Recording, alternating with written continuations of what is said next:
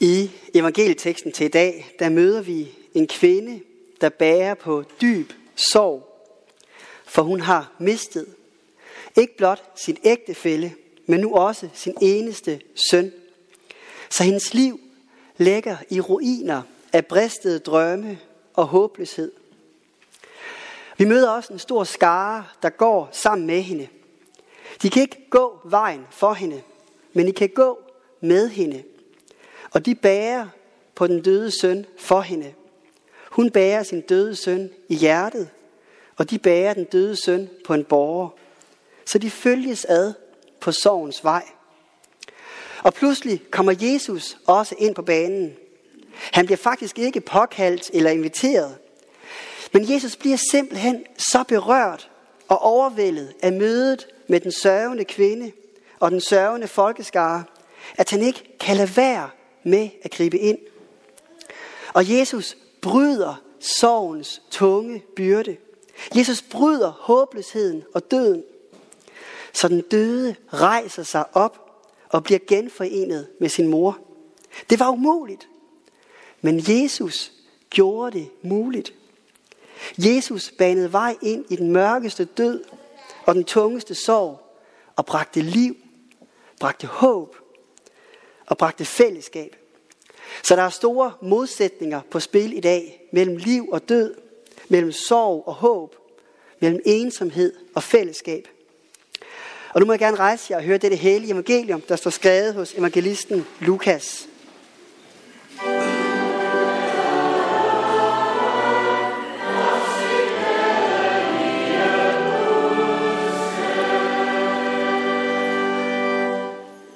Derefter gik Jesus til en by, som hedder Nain, og hans disciple og en stor skare gik sammen med ham.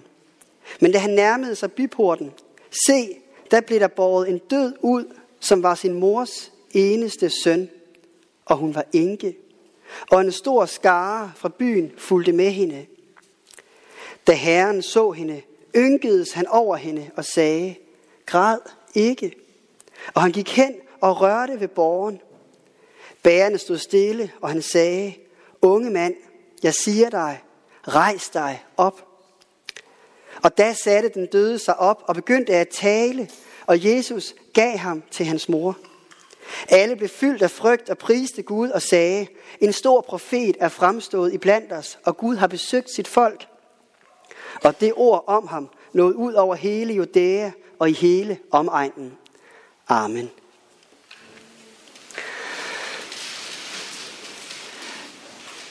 Jeg har en dybfølt sympati for den her kvinde, der først mistede sin mand, og nu går i sørgeoptog med sin døde søn. Det er fuldkommen forfærdeligt. Og døden af hendes eneste søn må også være fuldkommen meningsløs. Som præst er jeg jo i hver eneste uge i kontakt med mennesker, der har mistet. Det forekommer heldigvis ikke altid så tragisk og meningsløst, som det var tilfældet for enkens søn. For dødsfald, de er forskellige, ligesom sorg opleves forskelligt.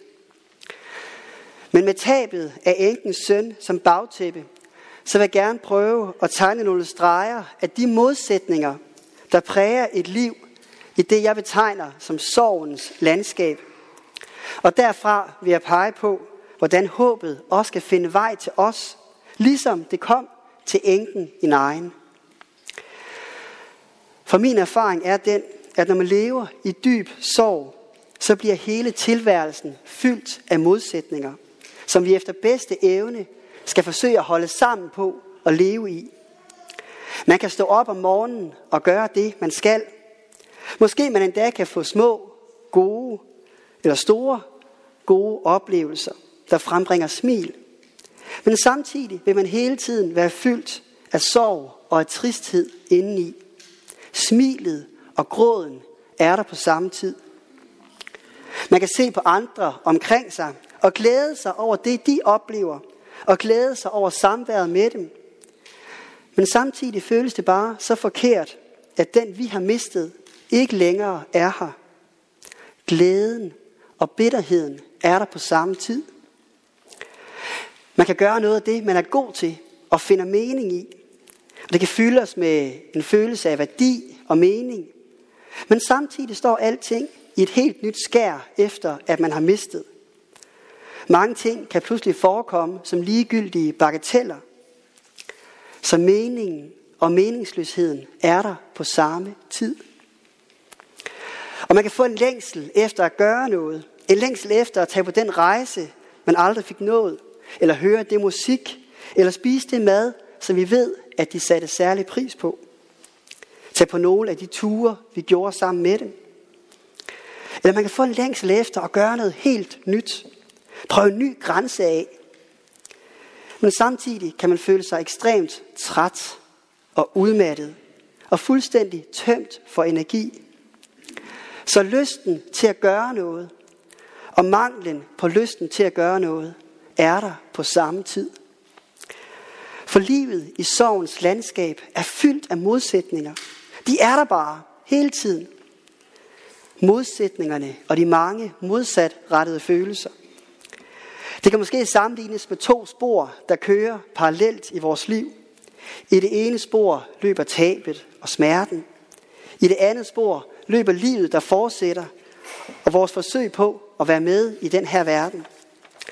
Som regel så sker det, at vi zigzagger lidt mellem de her spor.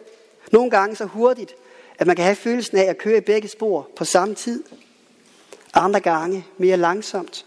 For modsætningerne følges ad. Og hold da op, hvor er det udmattende og hårdt. Punktum. Det er det bare. Det er hårdt, fordi man hele tiden skal finde ud af, hvilket ben man skal stå på, og hvordan man skal finde fodfæste. Også livet i tro på Gud kan være fyldt af modsætninger. Vi bekender troen på Guds godhed og på hans almagt. Og vi klynger os til, at det må være sandt, at Gud er god. For hvor skal godheden ellers komme fra? Men samtidig vil jeg stadig have lov til at skælde ud på Gud, når jeg ikke forstår ham. Skæld ud, når jeg oplever, at der er så meget ondskab i den her verden. Jeg vil tryle, og jeg vil fortælle ham, at jeg ikke fatter, hvorfor han ikke altid griber mere ind. For hvad hjælper det, at Gud er god og almægtig, hvis jeg kun oplever, at han er passiv, passiv? For magten og afmagten kan synes at være der på samme tid. Guds godhed og verdens ondskab synes at være der på samme tid. Og det ene øjeblik, der kan tvivlen fylde i sindet. En tvivl, der sætter spørgsmålstegn ved, om alt det med Gud nu virkelig er sandt. Og det næste øjeblik, der virker troen på Gud, der er større end mig. Og alt andet den her verden, som det eneste, der holder mig oprejst og holder mig i gang. For troen og tvivlen og tilliden er der på samme tid og kan flyde ind og ud mellem hinanden. Og netop her, der møder vi så Jesus, der kommer gående imod os og ser os. Ligesom han så enken fra nejen og fik medynk med hende. Jesus blev så grebet af synet af dig og af den sørgende kvinde, at han ynkes over hende, står der. Og på Bibelens grundsprog, der er det her altså en ekstrem, intens og følelsesladet formulering. Jesu medynk er sådan en dybfølt, ondt i maven følelse. En omsorg, der er så stærk, at han er for ondt i maven af omsorg og kærlighed.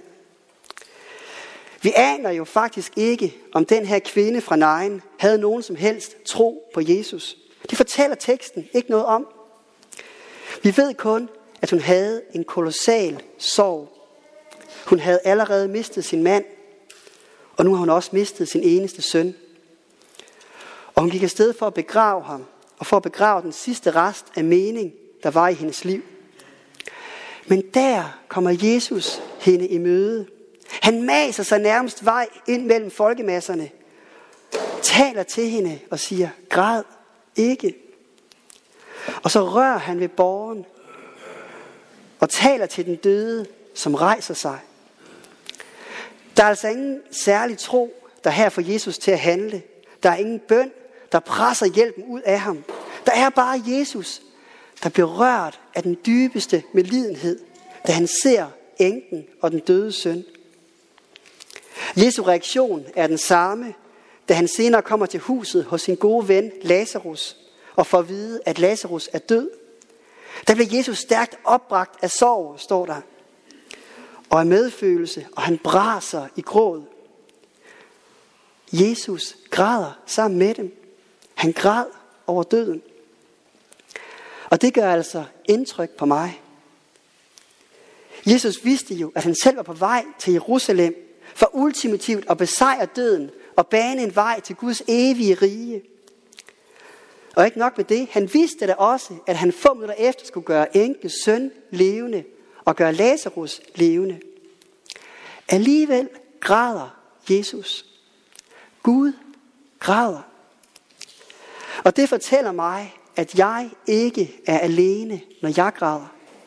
For Jesus græder med os. Og det fortæller mig, at tilværelsen er fyldt af modsætninger, selv for den almægtige. Magten over døden og de hjerteskærende tårer over, at døden har så meget magt, er der på samme tid. For fulde gardiner. Guds gråd får ikke nødvendigvis vores elskede tilbage nu og her. Det gør heller ikke klumpen af sorg mindre. Men så er der i det mindste en, der er villig til altid at være i nødens stund sammen med os. For Gud er ikke for fin til at græde, eller til at være de steder, hvor det er mest grimt og mørkt og skummelt. Og for enken i egen, der sluttede det heller ikke her. Det blev i stedet til en ny begyndelse. For Jesus rørte ved borgen og sagde, unge mand, jeg siger dig, rejs dig op. Og den, der bar ham, de stod nu stille, fortæller teksten, som en pussy lille detalje. Og det kan jeg virkelig godt forstå, at de gør. Jeg tror også, jeg vil blive helt lamslået og forundret. Hvad sker der? Hvad siger han? Og så kommer den sætning, der er en af mine favoritter i hele Bibelen. Da satte den døde sig op og begyndte at tale. Altså drengen var død. Men den døde krop, som ikke kunne noget som helst, satte sig op og begyndte at tale. Det var umuligt. Men på Jesu befaling er alting muligt. Og det har simpelthen vidt rækkende konsekvenser, både på lille og stor skala. På lille skala, der viser det, at når vi føler os udmattet, når vi føler os overbebyrdet, når vi føler os helt døde, og alting ser uoverskueligt ud, så kan Jesus stadig rejse os. Så hvis du er på et sted, hvor du føler dig presset, eller lagt ned, fat mod. Jesus ser også dig. Og han ser det, du bærer på. Og Jesus er med dig. Og Jesus vil rejse dig op igen. Og på den store skala viser den her beretning, at Jesus ikke, ikke blot har magt og medfølelse ind i vores liv, når vi føler os døde, men også når vi er døde. For Jesus er opstandelsen og livet. Han er det evige livs håb.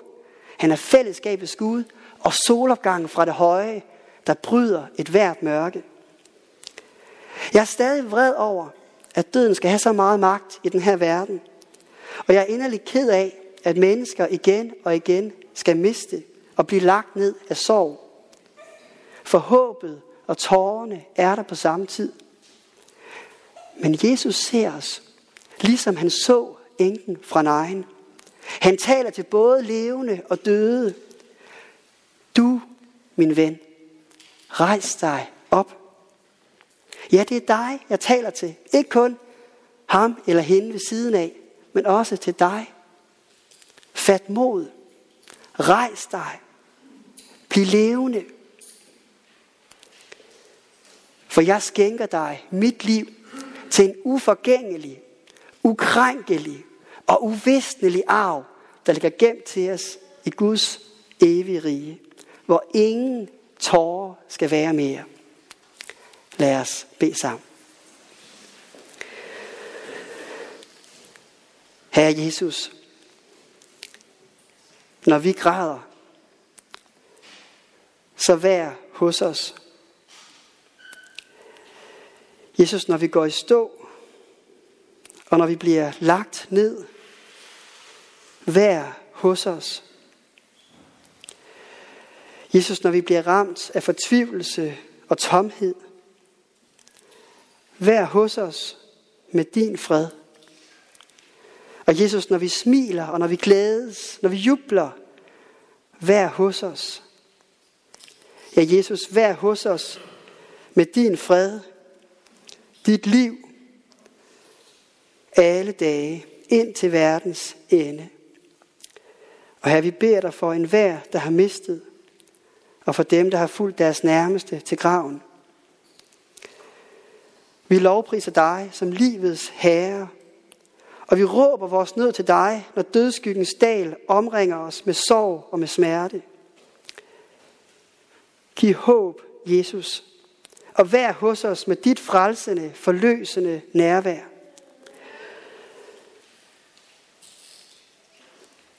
Ja, Herre Jesus, lad vores hjerte få en sådan smag på dig, at nat og dag du være må, min sjæl umistelig. For du er vores sejr, vores retfærdighed og vores klippe. Og før så mig arme sønder hjem til din retfærdighed, til dit, det nye Jerusalem, til al din herlighed. I Jesu navn. Amen.